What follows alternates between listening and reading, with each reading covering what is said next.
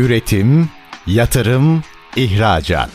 Üreten Türkiye'nin radyosu Endüstri Radyo sizin bulunduğunuz her yerde. Endüstri Radyo'yu arabada, bilgisayarda ve cep telefonunuzdan her yerde dinleyebilirsiniz. Endüstri Radyo.com Ertan Öz Yardımcı'nın hazırlayıp sunduğu Lebiderya programı başlıyor. Ertan Özcamcı ile Levi Derya programına hoş geldiniz. Bugünkü konuğumuz Denizsan Şirketler Grubu Yönetim Kurulu Başkanı Mustafa Akgül. Mustafa programımıza hoş geldin. Hoş bulduk abi. Teşekkür ederim. Öncelikle seni dinleyicilerimize tanıtmak isterim. İsmim Mustafa Akgül. Ocak 1978 e, İstanbul doğumluyum. İlk orta lise eğitimlerimi e, İstanbul'da tamamladım. Üniversiteyi Uludağ Üniversitesi'nde e, işletme bölümünü bitirdim üniversite olarak. Yani orijinalinde aslında benim denizcilikle falan pek bir eğitim noktasında bir bağlantım yok. Akabinde zaten işte askerlik ve direkt olarak Denizsan'ın gemi tarafında, gemi işletmeciliği bölümünde çalışmaya başladım. Bu zamana kadar da geldik. 2011 itibariyle de fabrikanın başına getirildim. 2011'den 2016'ya kadar hem fabrika hem gemi işletmeciliği, geminin operasyonel taraflarını yönettim hem de fabrika yönettim. 2016'dan da sonra da Sadece fabrika imalat olarak da devam ediyoruz. Evliyim, üç tane çocuğum var.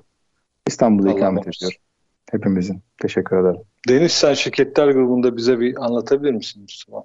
Denizsan gemi inşa, daha doğrusu gemi yan sanayi, Türkiye gemi yan sanayi sektörünün öncü kuruluşlarından bir tanesi. Türkiye'nin bu ırgat, kum gemilerin ırgatlarından itibaren başlayan, yani fabrikasyon olarak vinç imal eden ilk fabrikası diyebiliriz Denizsan için. 1959 yılında kurulmuş bir şirket.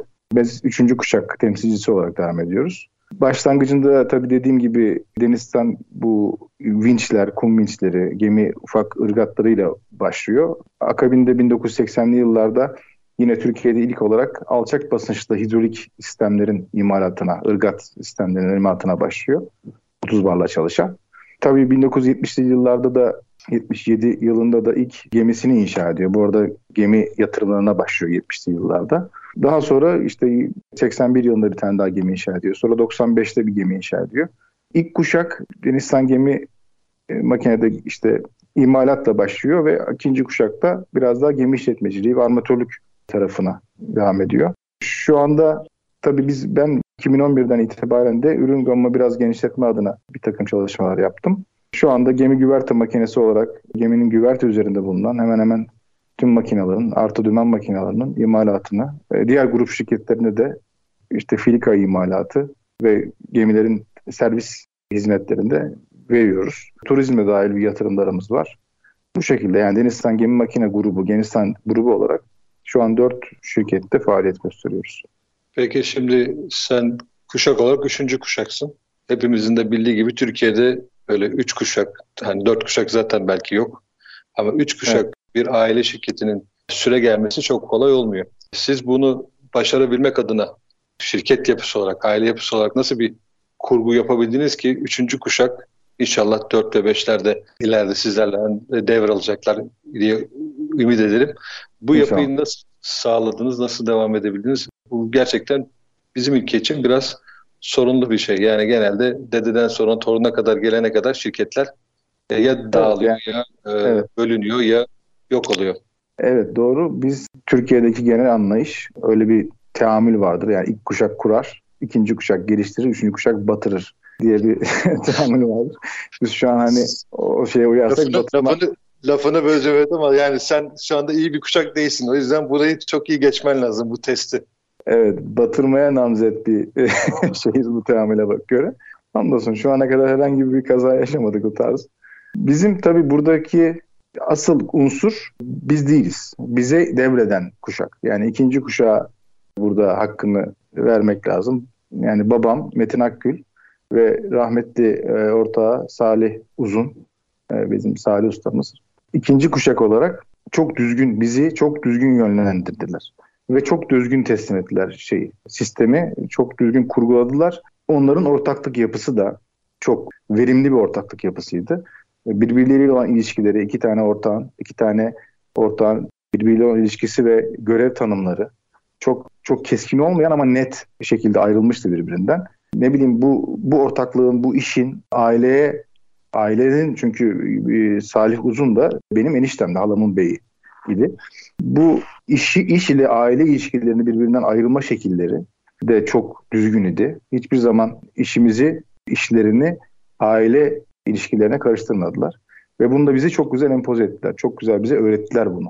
Direkt olarak böyle bir didaktik bir öğretmeden bahsetmiyorum ama biz de o aile içerisinde olduğumuz için onların iş yerindeki toplantı ile aile içerisindeki toplantıdaki halleri, hareketleri, konuşmaları, neyi konuşuyorlar, neyi konuşmuyorlar, nasıl konuşuyorlar dolaylı bir eğitim vardı bize. Dolayısıyla biz bizi bu yönde şu anda da benim kardeşimle iki kardeşim vardı bu işte beraber çalışıyoruz. Sen de biliyorsun ufak olan e, rahmetli oldu Covid'den. Sağ olun. Şu andaki kardeşimle ve işte rahmetli kardeşimle olan ilişkilerim de bu çok çok belirleyici oldu. Bana göre bir şirketin devamını sağlayan en önemli unsurlardan bir tanesi bu. Yani eğer aile şirketlerinden bahsediyorum tabii ki. Aile içerisindeki aile ilişkilerini ve iş ilişkilerini birbirine karıştıran, bunu birbirini negatif besleyen şekilde e, yapan şirketlerin ömrü hiçbir zaman uzun olmuyor. Dolayısıyla biz bunu büyüklerimizden çok iyi aldık ve aynı şekilde devam ediyoruz. Şu anda bizim de burada e, ben yönetim kurulu başkanıyım. Kardeşimin bir sorumluluğu var, bir yetkisi var. Rahmetli kardeşimin de yetkisi vardı. Şimdi biz e, yine kuzenlerimle çalışıyoruz. Diğer kuzenimle çalışıyoruz bir tane. Bir kız kardeşim beyi de bizde e, sağ olsun çalışıyor. Bu akraba ilişkilerini iş yerimize yansıtmama noktasında veya doğru besleyici yani negatif değil de pozitif olarak besleme noktasında biz doğal bir şeye sahip olduk. Yetiye sahip olduk. Babamlar ve rahmetli Salih Uzun sayesinde. Bu işin bu aile tarafı. Yani bu bu çok önemli. En büyük sebebi bu bence. Yani bizim bunu aile şirketini çok düzgün kurguladılar bize ve o şekilde teslim ettiler. Bir de işin tabii teknik tarafını bırakma noktası var. Orada da yine babam sağ olsun bize çok doğru bir şekilde bıraktı. Ya bu, bunu biz farkında olarak söylemiyorum. Sonradan e, farkına varıyorsunuz bunun. Yani ben 2000 yılında üniversiteden mezun oldum. 2001 yılında da askerlikten sonra direkt şirkete başladım. Ve benim şu anda hani fabrikadaki atölyede çalışmak dahil olmak üzere muhasebe bölümündeki tahsilatın yani telefonlara bakmak olsun e, gemi işletme bölümündeki post fixture'lar, acentenin aranması gibi bütün sonra da akabinde işte tersaneye gelen gemiye müdahale edilmesi gibi bütün şeylerde daha e, lise döneminde hatta üniversite döneminde bile e, biz şirkete yaz dönemlerinde gelip sürekli çalıştırıldık şeyde e, şirkette. Akabinde işte görev ve sorumluluklar sıralı bir şekilde, düzgün bir şekilde verildi. İlk başta ben dediğim gibi geminin teknik tarafında görevlendirildim. Enspektör yardımcısı olarak başladım. DPA olarak DPA belgemi aldım. Hatta Türkiye'nin zannediyorum ilk DPA'lerinden bir tanesiyim.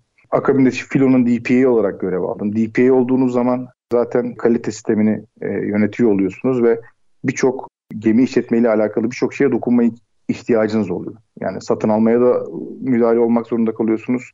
Bir tamir tarafına dokunmak zorunda kalıyorsunuz. Dolayısıyla işte DPA'lik, enspektör yardımcılığı, enspektörlük, işte filo müdürlüğü derken gemi işletmenin bir bakıyorsunuz geminin operasyon taraflarını yönetiyor oluyorsunuz belli bir sene içerisinde. Ve yani her zaman babam ilave üstüne koyarak, ilave üstüne yetki ve sorumluluk vererek bizi eğitti. Ama hiçbir zaman bizi yalnız bırakmadı. Yani bize yetkiyi, sorumluluğu verdi. Fakat arkamızda olduğunu biliyoruz babamın. Hani bir, metafor olarak vermek gerekirse bisiklete binmeyi öğreten bir baba düşünün çocuğuna. Arkadan itiyor. Yani arkadan tutuyor çocuğunu. Fakat bir aşamadan sonra bir bakarsınız bisiklete biniyorsunuz. Arkanızda ama arka, baba arkada kaldı, uzakta kaldı yani. Ben bisiklete binmeyi de gerçekten öyle öğrendim. Yani bir baktım arkamda biri tutuyor zannediyorum ama bir bakıyorum kimse yokmuş arkamda. Ve ama baktım e, artık biniyorum bisiklete. Aynen bu şekilde de bana iş teslimi yapıldı. Yani artık ben her şeyle sisteme, e, şirkete hakim olduğumu hissettiğim, hazırım dediğim hissettiğim anda babam zaten e, hayırlı olsun demişti. Tabii biz de mesleğimizi sevdik açıkçası. Yani biz de severek yaptık. Elimizden gelenin en iyisini yapmaya çalıştık. Yani şirketi sahiplendik her şeyde. Dert edindik. Daha iyi nasıl olabilir? Daha bu gemi bir gün daha önce nasıl çıkabilir? E, gibi. İmalatta da aynı şekilde. Ama dediğim gibi asıl burada büyük sebep, en önemli etken e, ikinci kuşağın bize çok düzgün bir yapı bırakması oldu. bir önceki kuşağın aslan payına sahip olması gerekiyor ki diğer kuşak ondan el alıp devam edebilsin. Evet tabii ki ama bunu bunu yaparken yani işi sevmenizle tabii sizin o işi yani belki benim hiç hoşlanmayacağım bir sektörde olabilir. Belki benim oğlum imalatı hiç sevmeyecek. Hiç gemiyi sevmeyecek. Başka tamamen atıyorum yazılım sektörüne merakı olacak. Bizim fakat bizim ikinci kuşak buna da çok müsaade etmedi. Çünkü biz kendimizi birden şirketin içerisinde bulduk. Anlatabiliyor muyum? Yani başka hani bilinçli ya da bilinçsiz bilemiyorum. Bizi başka yere mail etme şeyi de bırakmadılar bizde. Bundan memnunum bu arada. Ben çünkü işimi seviyorum gerçekten. Ama ben diyelim ki ben hani yazılımcı olacağım diye ortaya çıksaydım. Mesela e, diğer Salih Uzun'un oğlu Ahmet ağabeyim, e, kuzenim bilgisayar mühendisi mesela. Şu anda bilgisayar mühendisliği yapıyor. Belki ben de aynı şekilde onu, onu mesleğini çok severek ve iyi yapıyor. Ben de aynı şekilde olsaydım belki nerede olurduk bilmiyorum. Ne durumda olurduk ama ben dedim ki işletme mezunuyum. Direkt olarak bir şirkete liseden itibaren girmeye çıkmaya başlamışsınız. İnsanları tanıdınız, işi tanımışsınız. Böyle başka bir yere bakacak halimiz olmadı. Ve iş buralara kadar geldi yani. Bizim dediğim gibi aslan payı ikinci kuşaktır. Sonra da bizim gayretlerimiz tabii. işi sevmemiz yani. Doğru. Bu arada demin konuları anlatırken işte gemi işletmeciliği vesaire bunlarda da çok zaman harcadın. Orada da eğitimler aldığını anlattın. Aslında bizler için yani yan sanayi gemiyi mamul üreten veya gemiye tedarik yapan firmalar için firma sahiplerinin veya oradaki çalışanların en en önemli şekilde öğrenmesi ve bilmesi gereken şeylerden biri geminin denizdeyken yapayalnız kaldığı ve o gemideki ekipmanların, ürünlerin o geminin hayati şekilde ihtiyaçlarını ve karşılamak zorunda olduğudur. Yani şimdi aslında sen bu ekipmanları yapan bir firmanın yöneticisi olarak sadece fabrikadaki ürünün teslimi değil, gemi üzerindeki yaşanabilecek aksaklıklara da ne kadar başarılı olması gerektiğini de bizatihi test edip bilen bir kişi olarak artık işe bakıyorsun. Aslında senin veya senin gibi çok yönlü işe bakabilen firma sahiplerinin bu sektöre çok çok daha büyük katkılar verebileceğini düşünüyorum ben. Çünkü çok farklı açılardan olaya hakim oluyorsunuz. Farklı sahalardan bakıyorsunuz yaşanan gerçekliklere. Bu konuda ne dersin? Çok doğru tespit abi. Ben Denizstan'ın, Denizstan Gemi Fabrikası'nın ben bu filo tarafı orayı bir atladım. Filo tarafı, operasyonel taraf, filo manager, fleet manager tarafı, operasyon tarafı çok commercial, ticari tarafı çok kaymadım yani bürokraş tarafına çok kaymadım ama bir müddet bütün filonun 6-7 hatta o zaman ilave kiraladığımız gemiler de vardı. 9 tane geminin filo müdürlüğünü, operasyonel tarafını komple filo müdürlüğü yaptım birkaç sene, 3-5 sene. Akabinde 2008 yılında da gemi inşaat sorumluluğu verildi bana. Orada da tecrübe kazandım. 2008 yılında yapmış olduğumuz geminin tüm inşaat sorumluluğu bana verildi. Şeyde Gemlik'te e, sınırlı imkanlar olan bir tersanede gemi inşa ettik. Akabinde 2009'da e, büyük gemimizi inşa ederken yine bütün sorumluluk bana verilmişti. Bu iki gemiyi inşa ederken ben Denizsan Gemi Makina'nın müşterisi konumundaydım. Çünkü şirketler ayrı gibi armatör tarafı var bir de imalat tarafı var. Dolayısıyla bir ırgatın ırgat alırken, ırgatı yerine koyarken nelere dikkat edilmesi yani gerektiğini, üretici firmadan hangi resimlerin ne zaman alınması gerektiğini vesaire bunları tamamen tecrübe ettim. Ve diğer ekipmanların tabii ki. İki gemiyi bu şekilde tam teşekküllü olarak inşa edince ondan sonra siz koltuk değiştirip de tedarikçi kısmına geldiğinizde karşı tarafı çok iyi anlıyor oluyorsun. Yani bu, oradaki hem satın almacı hem işte gemi inşa mühendisi designer vesaire ne ister daha lep demeden ben onun hatta yardımcı oluyoruz bu işimizle alakalı ırgatların işte bu mooring aranjmanlarına yardımcı oluyoruz. Bu şöyle daha iyi olur diye tavsiyeler veriyoruz. Gemisinin nasıl bir şeye ihtiyacı olduğuna dair yönlendirmeler yapıyoruz. Ve ne, neyi ne zaman ihtiyaçlarının olduğuna dair de bilgi sahibi olduğumuz için şahsım açısından çok iyi iletişim kurabiliyorum karşı tarafla. Çünkü adamı anlıyorum yani adam adamın neye ihtiyacı olduğunu çok iyi süzebiliyorum. Armatörle ya da tersane sahibiyle ya da satın alma müdürüyle oturup konuştuğunuzda karşı tarafa konfor sağlıyorsunuz. Çünkü adamın ne istediğini çok iyi biliyorsunuz. Herkes bizim kadar ırgatı bilemez yani. Bilmemeli de zaten. Gemide yüzlerce ekipman var sen daha iyi biliyorsun. Her ekipmana işte üreticisi kadar hakim olmayabilirsiniz. Birçok firma da gemiye hakim değildir. Adam geminin nasıl bir şeye ihtiyacı olduğuna da hakim değildir. Ben tam burada da geçmişteki o tecrübelerim burada çok güzel devreye giriyor ve işe yarıyor şey açısından. Hem bizim pazarlama açısından hem de karşı tarafın ihtiyaçları açısından. Bu da aslında hem müşteri memnuniyeti hem de başarıyı getiriyor. Mustafa şimdi ilk bölümü bitirdik. Bir ufak reklam aramız olacak. Reklamlardan sonra ikinci bölümde tekrar beraberiz. Üretim, yatırım, ihracat. Üreten Türkiye'nin radyosu Endüstri Radyo sizin bulunduğunuz her yerde. Endüstri Radyo'yu arabada, bilgisayarda ve cep telefonunuzdan her yerde dinleyebilirsiniz. Endüstri Radyo.com Ertan Özcan'ca Lebi Derya programının ikinci bölümdesiniz. Konuğumuz Denizsan Şirketler Grubu Yönetim Kurulu Başkanı Mustafa Akgül. Mustafa ben bu bölümde biraz böyle uzunca bir soru soracağım. Ondan sonra senden bunların bilgilerini almak isteyeceğim. Şimdi siz Denizsan Şirketler Grubu olarak 2021 yılında Balden firmasını satın alıp gemi filika ve kurtarma bot imalat işlerine girdiniz. Ardından DSS, Denizsan Safety Services ile denize can güvenliği konularında servis ve hizmetler konusuna giriş yaptınız. Ee, bunlar hep böyle peş peşe başladığınız projeler, işler. Bu yetmemiş gibi maşallah Yalova'da da bir tersanede dört gemilik e, yeni inşaat kontratı imzaladığınızı ben duydum. İnşallah da yakında saçta kesiyorsunuz diye biliyorum. Bunun yanında Gelibolu Tersanesi'nde bir kabuk donatımına başladığınızı duymuştum herhalde. E, sen detaylarını verirsin. Bunlarla beraber paralel olarak da Tuzla'da bir yat tersanesinde hem tersanenin imkanlarını, ekipmanlarını, kalıplarını devraldınız hem de oradaki know-how, bilgi birikimiyle beraber işletmeyi de devraldınız. Şimdi bunların hepsini 2021-23 arasıyım yani bir buçuk senede ve Covid gibi çok sıkıntılı bir sürecin ardından hani milletin kabuğuna çekilip eldekini bazen tutmaya çalıştığı koşulların tam aksine siz böyle çok ciddi yatırımlar, çok ciddi sorumluluklar altına girerek büyük işler yaptınız. Bir, öncelikle bu işleri, projeleri bizimle biraz paylaşır mısın? İki, bunları bu dönemde yapmanın sizin için veya ülke için hep beraber dezavantaj ve avantajlarından bahseder misin? Teşekkür ederim abi. Şimdi bizim Balden, Balden'de başlayayım. Balden ilk bizim projemiz idi. Aslında bizim Balden'i satın almak gibi bir işin niyetimiz yoktu. Biz biliyorsunuz gemi matafora sistemleri üretiyoruz. Yani bu filikaların denize indirilme indirmeye yarayan matafora dediğimiz yani dinleyicilere açıklama açısından söylüyorum. Herkes denizci değil nihayetinde. Bu filikaları denize indirip bir talimden sonra geriye gemiyi almayla alakalı vinçlere genel itibariyle jargon olarak motafora deriz biz. Biz motaforaları imalatını yapıyoruz. Fakat bize bu münferit olarak sorulan motaforalardan %80'inde set halinde sorulur. E, hala da öyle. Botla beraber verin.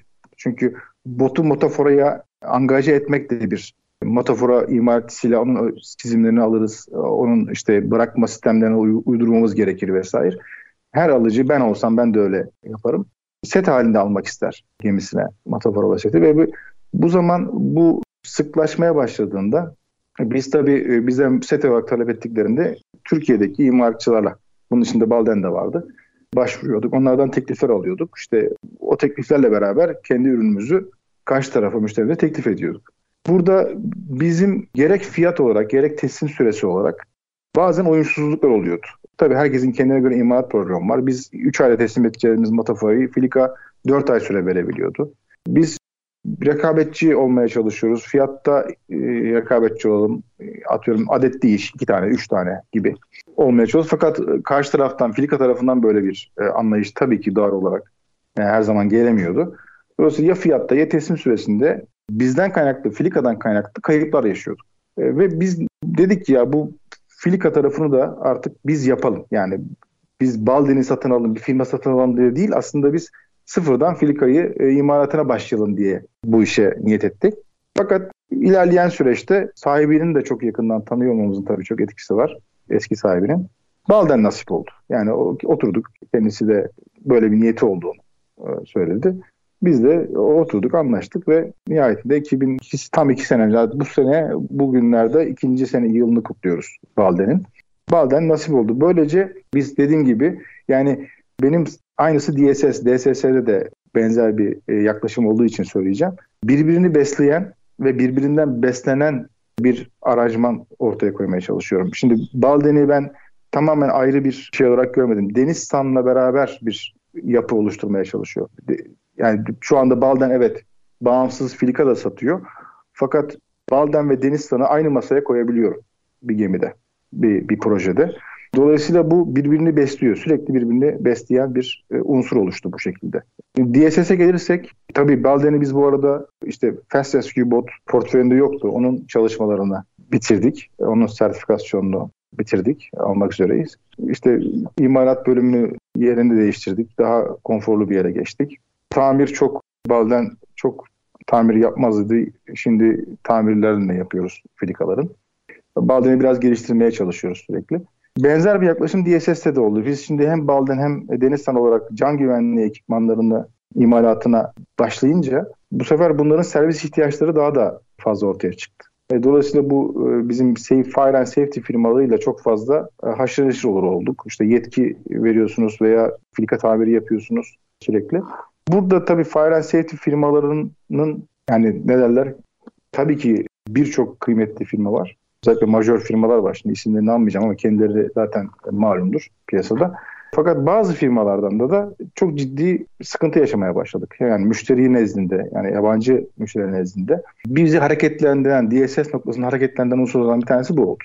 Yani biz gemiye çıkıyoruz, biz biz bir hizmet veriyoruz. Fakat o hizmetin müşteriye teslimi bizim tarafımızdan yapılmıyor. Ve bu eksik yapılınca bize geri dönüşler, anlamsız geri dönüşler ortaya çıkınca e, dedik bu işi biz kendimiz yapalım. Bir de dediğim gibi aynı Balden ve Denizsan ilişkisinde olduğu gibi DSS de şu anda Balden ve Denizsan'ı besleyen ve ondan beslenen bir unsur haline geldi. E, DSS Fire and Safety için gemiye hizmet vermeye çıktığında orada bir tamir işi ortaya çıkıyor, tespit ediliyor. Orada Denizsan Irgat tamir servisi devreye girebiliyor.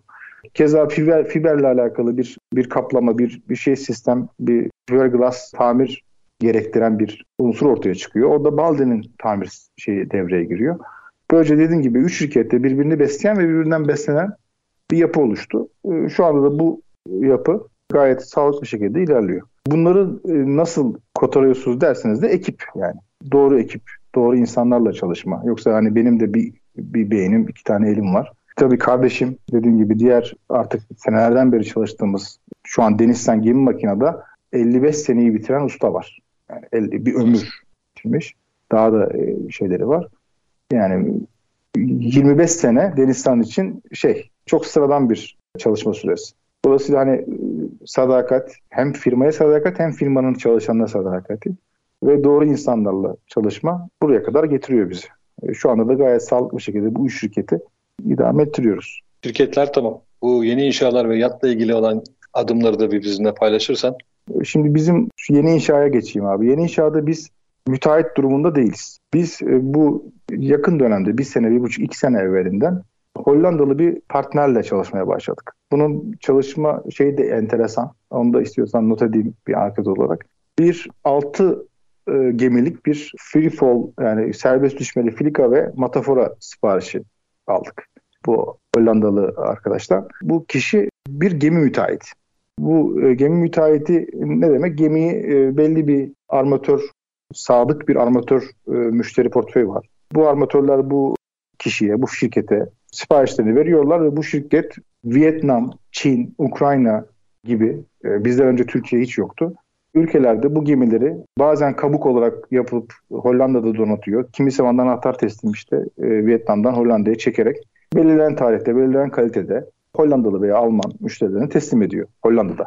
Böyle bir çalışma yapılan bir olay. Biz tabii bu bu bu şirketin bu bu tarafıyla hiç ilgilenmedik ilk başta. Bize sadece convert edilen yani boy verilen gemilerin 6 tane bot ve matafora siparişi verdi. Biz de mataforaları e, gayet düzgün bir şekilde ilk 2, 2 artı 2 artı 2 diye gidiyordu. Biz de ilk mataforaları iki tanesini teslim ettiğimizde tabii şeyle beraber yükleyip gönderdik. Mataforayı biz bitirdik. Tabii geç kaldı. İşte bahsettiğim gibi siparişini vermiş olduğumuz firma biraz imaratta gecikti. Bizi de bekletti. O, ona da mahcup olduk vesaire. Neyse biz bir tırımızı ilk tırımızı gönderdik. İkinci tırımızı hazırlıyorduk. İlk tırı gönderdiğimizde çok detaya girmeyeceğim. Bunu seninle oturup baş başa konuşuruz. Ne gibi sıkıntılar yaşadığımızı bilmiyorum. Belki de anlattım sen de paylaştın daha önce. Yani Filika matafora gayet iyi ama Filika'da ciddi sıkıntılar çıktı. Büyük sıkıntılar çıktı. Ve müşterimiz şeyi reddetti. filikayı reddetti. Yani ben bunu hani bunun tamirle işte dokunmayla falan olacak iş değil deyip ilk filikayı reddetti. Biz o sırada tam o yaparken ikinci filikayı da göndermiş olduk zaten. Bu ortaya çıktığında. Tam o sıralarda da o günlerde de biz Balde'nin alım süreci başlamıştı. Yani Allah orada yüzümüze güldü açıkçası. Biz tabii bu ilkiyi reddetti. İkincisi zaten otomatikman reddedildi. Uzatmayacağım. Biz Balden'le bu iki tane filikayı gittik Hollanda'dan yani Hollanda'dan bir kapalı filikanın buraya gelmesi yani 10 bin euroydu. Sadece nakliye masrafı. Bila ücret aldık. Balden'den yeni, burada tabii bizzat başında durduğumu biliyorum yani. Yat gibi şey gönderdik. Balden'den yeni filikalar imal ettik. Bin bir özürle. Buradan Balden'den yeni filikalar, iki tane yeni filika, daha arkasından gelen dört tane filikayı da gayet güzel bir şekilde gönderdik. Çok memnun oldu.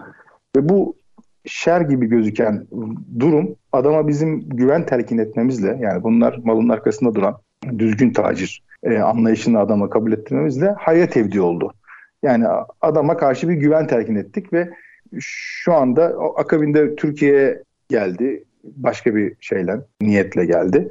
Biz onunla Türk tersanelerini yani Hollandalı armatörlere Türkler niye gemi yapmıyor diye sonrasında araştırma yaptı. Sonradan fiyatımızın bu Norveçlilerle, Norveçli balıkçılar, Norveçli feribotlardan dolayı fiyatımızın yüksek olduğunu, o yüzden e, Türkiye'de hiç yapılmadığını, yani Türkiye gemi inşaat sektöründe çok yabancıydı. Halbuki yani bütün dünyada gemi yapmış adam neredeyse yani Hindistan'da bile gemi imalını gerçekleştirmiş.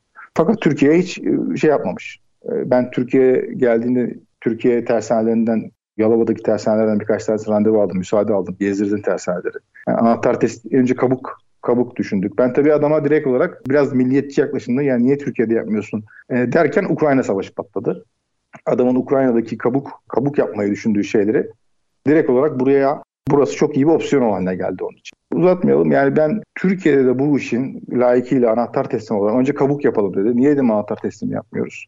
Gayet dedim burası üzgün işte onun için getirdim buraya 2-3 kez burada ağırladık gezdirdik. Yan sanayi kuruluşlarını gezdirdik ve ikna ettik. Şu anda işte dediğim gibi Yalova'da bir tersanede dört gemilik kontratımızı yaptık. İlk geminin de saç kesimini Mart ayında yapacağız. Akabinde tabii burada Gelibolu'da Gelibolu'daki bir tersane, Gelibolu tersanesine de e, bir tane kabuk çekildi Romanya'dan. Onun e, donatımını yapıyoruz. Şu anda yine 9 gemilik bir proje çalışıyoruz. Eğer şartlarda anlaşabilirsek yine 9 gemilik bir burada gemi inşa anlaşması yapmak hedefindeyiz. Böyle e, o, o filikalardaki o 6 gemilik siparişteki iş buralara kadar o güven telkini buralara kadar geldi. Tabii biz de doğru tersane, doğru kontaklarla onu buluşturmaya çalışıyoruz. E, akabinde bu bizim Denizsan ve Balden ürünlerini niye Hollanda'da satamıyoruz şeyi gündeme geldi. Akabinde Dened diye bir marka kuruldu Hollanda'da. Şu anda bizim Hollanda'ya üçüncü gentriklerimizi yolluyoruz Denet markasıyla. Dolayısıyla bir, bir yerden tutulan fakat verilen güven işin ta Hollanda'ya buradan ihracat yapmaya e tabii orada gemi yap, bütün yapılan şu anda işte bu e, bu firmanın yapmış olduğu bütün isterse Türkiye'de değil de işte Vietnam'da yapıyor olsun. Bütün ürünleri bizim tarafımızdan imal ediliyor. Default olarak yani. Oradaki marka da şu anda gayet faal bir şekilde çalışıyor. Yani bu aşağı yukarı bizim şey tarafı, Hollandalı partner tarafının hikayesi aşağı yukarı böyle. Şu anda biz onda çok aktif bir şekilde daha da bu sistemi büyütmek adına belki Türkiye'de bir oluşum yapma adına çalışmalarımız var ama onlar için daha konuşmak için erken. Daha düşünce aşamasında. Ama işin gidişatı oraya doğru gidiyor. Yani oradaki bütün bu o şirketin e, müşteri portföyü bütün Türkiye'ye çekme gibi bir hedefim var benim. Bunu yaptığımız zaman tabii bütün e, atıyorum yan sanayi de faydalanıyor bundan. E sadece Denizsan ve Balden değil, e, bütün Türk yan sanayi, tersaneler e, de en son tuvalet panellerini Türk firmasından satın aldık. Pencereler Türk firmasından satın alınıyor. Olabilecek her şeyi biz tabii adama bizzat götürüyoruz. E, yerinde fabrikasını gösteriyoruz. O şekilde ikna ediyoruz. İnşallah büyüyerek bu konu gelişecek diye ümit ediyoruz. Daha önceki bir konum bahsetmişti. Bir tersanenin diğer tersaneden müşteriyi kapması bir başarı değil. Ülkeye yeni e, müşteriler getirmesi başarı. Aslında şu anda bu bir başarı hikayesi. Çünkü Türkiye'yi yakın olmasına rağmen Türkiye, Hollanda, Türkiye arasında ticaret de çok yoğun.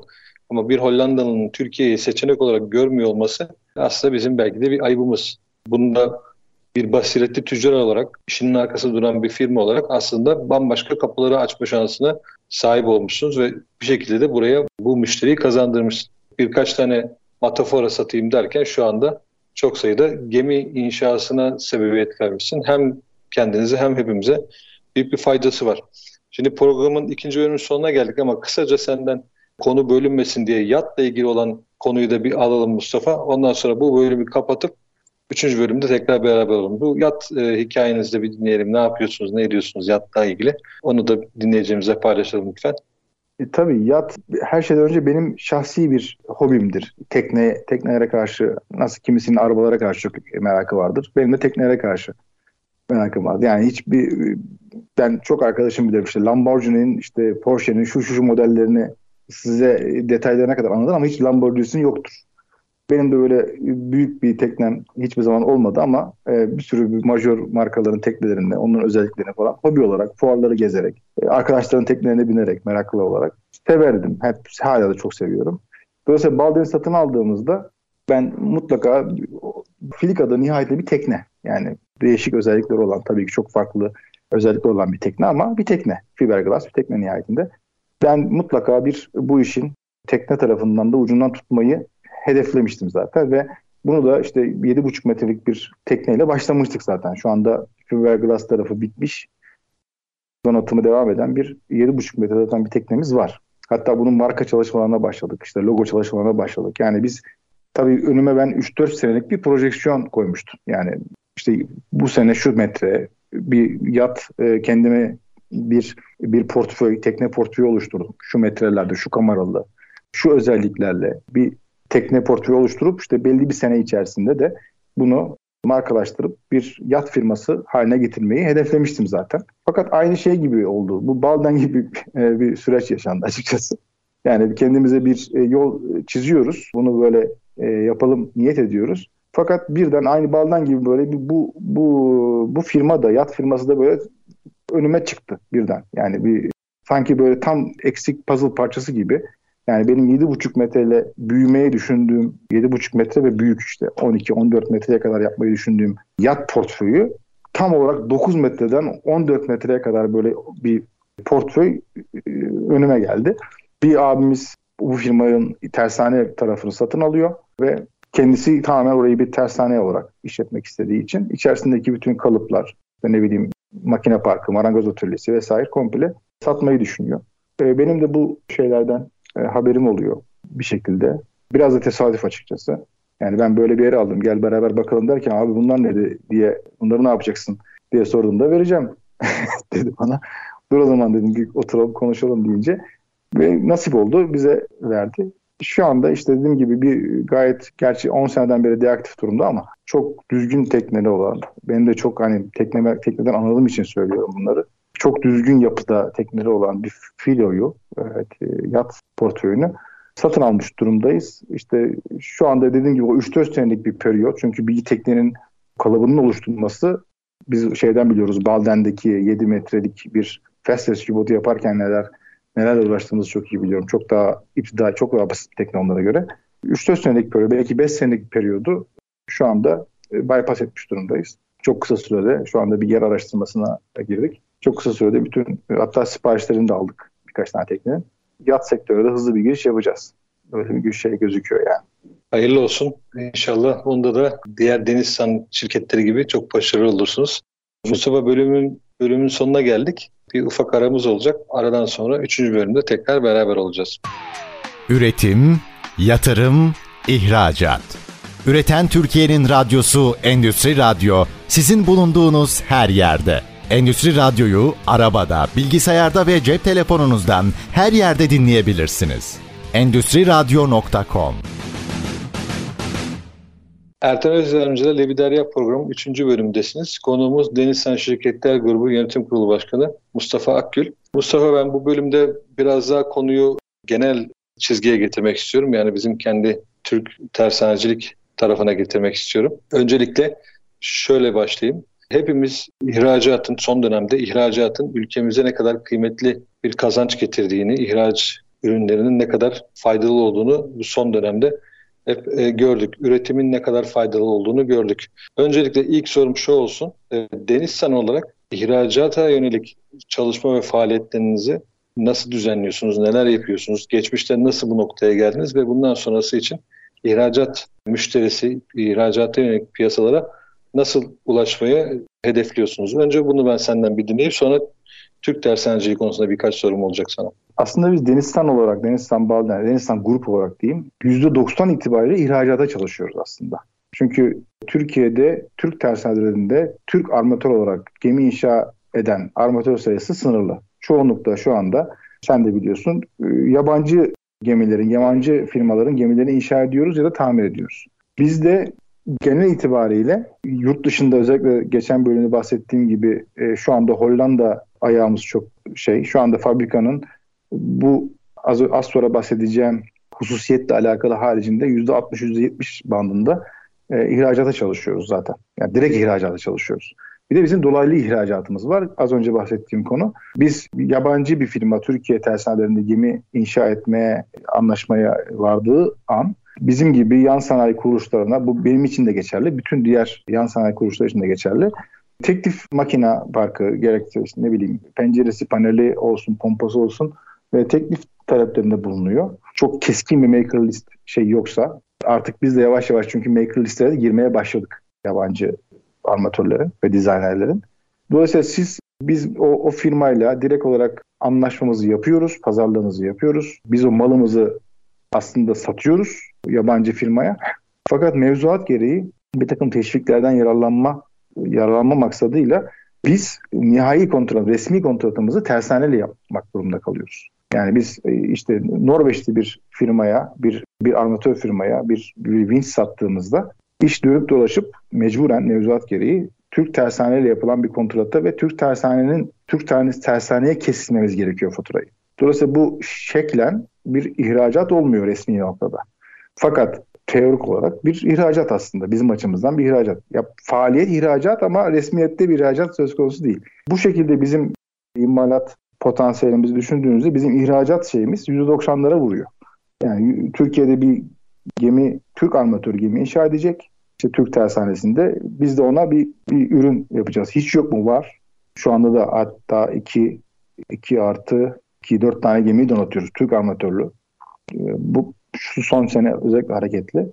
Fakat özellikle 200 sene evvelinde bu %90'lara kadar çıkıyordu bizim e, imalat kapasitemiz. Biz Deniztan olarak da şu anda Rusya, şu anda tabii birazcık daha şey oldu.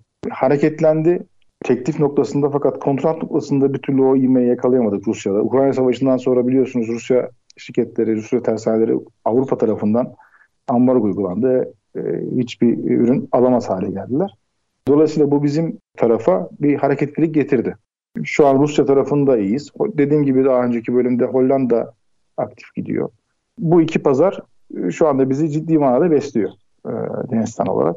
Tabii diğer bütün işte Norveç olsun, Estonya olsun, e, bu İskandinav ülkeleri olsun, işte Kuzey Afrika ülkeleri olsun. Bunların tamamına ihracatımız söz konusu. Fakat onlar biraz müferit. Ama pazar olarak dediğimiz zaman biz şu anda Hollanda ve Rusya pazarında ciddi işler e, alabiliyoruz. Ve tamamen stratejik olarak da bütün vizyonumuz da ihracata dönmüş durumdayız şu anda. Çünkü Türkiye'deki tersane sayısı belli ama dünya dünyaya döndüğünüzde çok daha farklı bir şeye dönüyorsunuz. İşte şu anda hedefim işte Güney Amerika e, çok zor bir pazar.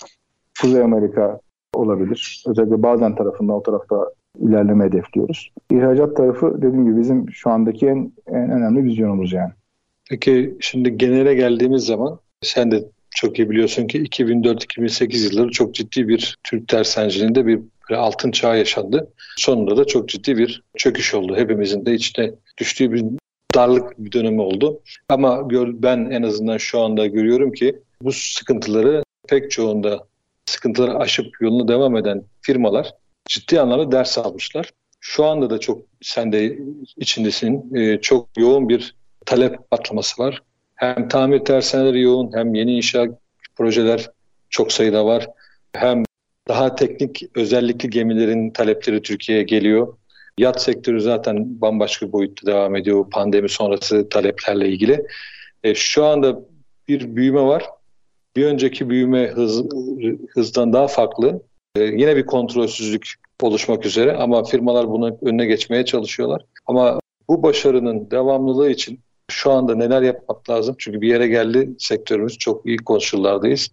İhracatımız hepimizin çok şükür iyi yerde gidiyor ama bir boşluğa düşmemek adına, 2008'in tekrarını yaşamamak adına nelere dikkat etmek lazım? Bu başarıyı sürdürmek için neler yapmak lazım? Bu kontrolsüz büyümenin önüne geçerek özellikle istihdam ve yeni tesisler konusunda nasıl bir projeksiyon sunmak lazım? Çünkü sektörün her bileşeni bir şekilde fikrini ve zikrini ortaya koymalı ki tekrardan o 2008'de düşülen o uçuruma tekrar düşmeyelim. Bu sefer çok daha yukarıdan aşağı doğru yuvarlanmayalım.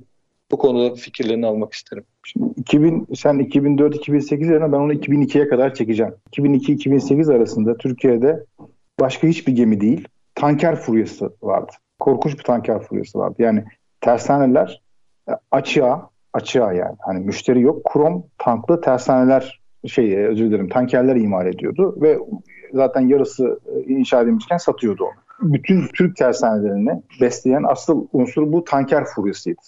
Mesela Deniztan gemi makine tarafı, fabrika tarafı burada biraz kayıptı. Şeyde yoktu. Çok sahada değildik. Daha çok o dönemlerde biz de gemi inşa etmenin derdindeydik. Hatta biz işte kuru yükçü, biz genel kargo gemisi imal ediyorduk. Tersane bulamıyorduk e, gemi inşa edecek. Yani biz sektörün köklü firmasıyız. Hani güvenilir firmayız. Tersaneye gidip de herhangi bir tersaneye gidip sıra alamıyorduk yani gemi inşa edeceğiz diye. Korkunç bir tanker furyası vardı ve dediğim gibi bu tanker furyası 2007-2008 itibariyle zaten genel küresel kriz şeyle bitti. Şimdi şu anda e, ve tabii bu arada akabinde Türk tersaneleri iki, iki tane mihenk taşı oldu, dönem oldu. Biri her şeyden önce Türkiye'de ter, Türk tersanelerinde belli bir tonajın üzerinde gemi yapmanın ekonomik olarak imkanı yok. Yani Kore, Güney Kore, Çin gibi tersanelerle, gibi ülkelerle rekabet bir şansımız yok. Çünkü oradaki sübvansiyonlar çok kuvvetli. Yani e, saca verdiği, e, sacı, her bir ton işlediği saca e, mesela Çin hükümetinin verdiği sübvansiyonları hepimiz biliyoruz. Dolayısıyla 20 bin tonluk, 30 bin tonluk niyet edildi fakat henüz gerçekleştirilemedi. Bir geminin Türkiye'de yapılması milyonlarca dolarlık bir armatöre ilave finansal yük anlamına geliyor. Dolayısıyla bütün armatörler, e, Türk armatörler dahil olmak üzere Çin'de bu dökmeciler, bu gemilerini Çin'de, işte Güney Kore'de vesaire tersanelerde imal ettiler. Haklı olarak. E, dolayısıyla Türk tersaneleri daha niş gemilere yöneldiler. Az önce ilk bölümde bahsettiğim gibi Norveç'ti balıkçı gemileri, üzerinde çok ciddi e, ekipman sistemleri olan, daha ufak kapasite, çelik çelik oranı, çelik işleme tonajı düşük. Fakat sistemsel olacak kalite beklentisi çok yüksek. Niş gemiler, feribotlar, e, romorkörler. Yani şu an dünya çapında bana göre dünyanın en iyi romorkör tersanelerine sahibiz. E, dünyanın en iyi e, romorkörlerini üretiyoruz bence Türkiye'de. En kaliteli romorkör, romorkörlerini, şey, e, özür dilerim feribotlarını üretiyoruz e, aynı zamanda. Birçok Norveçli, onlarca buradan e, Norveçli ki Norveçli'ye mal satmak gerçekten sıkıntıdır. Biz bir vinç satmak için tabiri caizse 40 takla atıyoruz. Türk tersaneleri onlarca gemi teslim ettiler Norveç'te armatörlere ve çok güzel gemiler inşa ettiler. Ve Türk tersaneciliği bu niş gemilerle müthiş bir kalite şeyi yaşadı. Çakra açıldı yani tersanelerde. Dolayısıyla Türk tersaneciliği burada o tanker furyasının bitmesinden e, sonra buraya doğru evrilerek çok müthiş bir başarı sağladı bence. Aynı sübvansiyonlar yine devam ediyor ve yine Türk tersaneleri böyle büyük tonajlı gemi yapma konusunda rekabetçi değiller yine. Dolayısıyla aynı vaziyet geçerli fakat son dönem senin de dediğin gibi şu anda da genel kargo gemisiyle, gemileriyle alakalı bir furya var. Biz şu anda e, neredeyse 7-8 tane gemi donatıyoruz. Yani içeride bir şey olarak. Hem Türk hem e, yabancı olarak. Şu anda da benzer o tanker furyasına benzer bir furya genel kargo için geçerli. Ben bu tanker 2002'de başlayıp 2008'de biten, 2009'da biten tanker furyasının bu genel kargo furyası ki artık yavaş yavaş sonuna geldiğinizi düşünüyorum ben. Yani artık siparişler yani beşli, onlu, dörtlü siparişler veriliyor. Hem yabancı hem yerli olarak. Yani bir, bir, bir sene, bir buçuk sene içerisinde nihayete ereceğini ve akabinde tekrar tanker furyasının başlayacağını öngörüyorum. Çünkü artık senesi geldi. Bu bu tıpkı navlun şey gibi. Tabii major krizleri hariç diyorum. Yani işte bu Lehman Brothers'ta başlayan küresel kriz bambaşka bir şeyi vardı. Angajmanı vardı onun. Fakat Navlun tarafına baktığımız zaman belli bir eğrisi vardır onun. Yani 5 senelik, 2,5-3 senelik iniş çıkış eğrileri bellidir. Gemi inşa sektöründe de benzer bir eğrinin, belki intervalleri farklıdır, olduğunu düşünüyorum. Ve şu anda da e, gemi kuru yük tarafının, furyasının nihayete ermek üzere olduğunu fakat çok kısa vadede tankerle alakalı taleplerin sıkça geleceğini öngörüyorum. Türk tersaneleri tabii bu arada özellikle Yalova tarafının aktif hale gelmesinden sonra yine çok başarılı bir şekilde Türkiye'yi bir tamir hub'ı haline getirdiler. Yani çok düzgün yatırımlar, çok büyük yatırımlar yaparak havuz yatırımları, işte kuru havuz yatırımları, tersane yatırımları, iskele yatırımları bunlar çok ciddi yatırımlar gerçekten. Türkiye artık özellikle bu Avrupa tarafın, Kuzey Karadeniz tarafının tamir hub'ı haline geldi. İnanılmaz bir havuz potansiyeli var, tamir potansiyeli var. Şu an tamir tersaneleri çok yoğun çalışıyor. Bizim zaten DSS tarafının da kurulma amaçlarından bir tanesi bunu görmem oldu benim. Yani bu, bu iş e, tamir tarafı yani bu kadar havuz halen de havuz yapılıyor. Satın alınıyor. Her tersanenin bir eskiden bir e, şey vardı. Siz de bilirsiniz. Bir yeni inşacı tersane vardı. Bir de tamir tersanesi vardı. E, Tuzla'da zaten bir Tuzla Tuzla Körfez koy mu deriz ona biz. Bir belli bir sınırlı idi. Yalova aktif hale geldiği zaman Türk tersanelerin kapasite olarak şeyi çok arttı. İmkanı arttı. Ve bununla ilgili çok doğru yatırımlar yapıldı. Ve dediğim gibi az önce Türkiye artık bir yani Panamax gemiler yapan bir iki tane tamir eden, havuzlayan tersanemiz varken artık birçok tersanemiz oluştu. Yapılan yatırımlar, havuz yatırımlarıyla alakalı. Dolayısıyla yani Türk tersanelerinin önünün e, tamir tarafı siz gemi inşa şeyini durdurabilirsiniz. Yatırımını durdurabilirsiniz. Fakat tamir geminizi belli periyotlarda biliyorsunuz işte yıllık, beş yıllık surveyleriyle sınırlanmıştır gemiler. Bakımına bakımını yapmadan geminizi işletemezsiniz. Dolayısıyla tamir tarafının sürekli bir hareketliliği olacaktır diye düşünüyorum. Çünkü yine çok düzgün iş yapılıyor Türk tersanelerinde. Çok profesyonel işler yapılıyor. Bizler de işte o tersanelerimize elimizden geldiği kadar düzgün hizmet etmeye çalışıyoruz diyelim. Evet. Mustafa bu bölümünde aslında sonuna geldik. Senden son bir şey almak isterim. Bilgi almak isterim. Yani görüşlerini almak isterim. Denizcilik sektörü çok önemli, çok kıymetli. İstihdam sıkıntımız çok ciddi. İstihdam derken burada asıl bize aranan eleman, bu ara eleman dediğimiz işi bilen, sahada işi yürütecek, teknik bilgiye sahip genç bir nüfusa ihtiyacımız var. Çünkü evet sektör olarak aslında ve ülke olarak yaşlanmaya başladık. Eskisi gibi gençler bu tip sektörlere ağır iş gözüyle baktıkları için çok girmek istemiyorlar. Ama denizcilik, denizcilik sektörünün yan e, işleri her zaman hem global olarak, küresel olarak dünyaya açılabilen bir sektör hem de getirisi de ciddi anlamda insanları kazandıracak bir sektör. Bu konuda da en azından gençlere bir ses olmak açısından görüşlerini dinleyicimize paylaşalım. Ondan sonra da programımızı yavaştan kapatalım derim ben. Teşekkür ederim abi. Tabii bu işin iki bizim bizim sekt, benim sektörüm itibariyle ben iki tarafına da bakabiliyorum. Yani bir işin e, bu gemi işletme tarafında işte gençleri kaptanlığa, denizciliğe yönlendirme hususu var. Bu ayrı bir ben de değil de belki bir gemi işletmeci ben de konuşabilirim fakat daha etkin biriyle konuşsanız daha uygun olur diye düşünüyorum. Çünkü o, o taraf gençler için gerçekten bir bir kapı. Yani bir gemi kaptanı, bir gemi çakçıbaşısı olma hedefi gayet makul bir hedef. Çok düzgün bir hedef olduğunu düşünüyorum genç için. Biz tabii imalat tarafındayız. İmalat tarafında da tam olarak senin söylediğin gibi ara eleman sıkıntısı hat safhada. Bunun Türkiye eğitim sistemiyle alakalı olduğunu ben düşünüyorum. Yani şu anda şöyle çok basit anlatmak maksadıyla söyleyeyim. Mühendis elimizi sallasak makine mühendisine çarpıyor. Çok amiyane konuşuyorum özür diliyorum. Yani her yer makine mühendisi. Çünkü Türkiye'de 70 küsür tane üniversite var.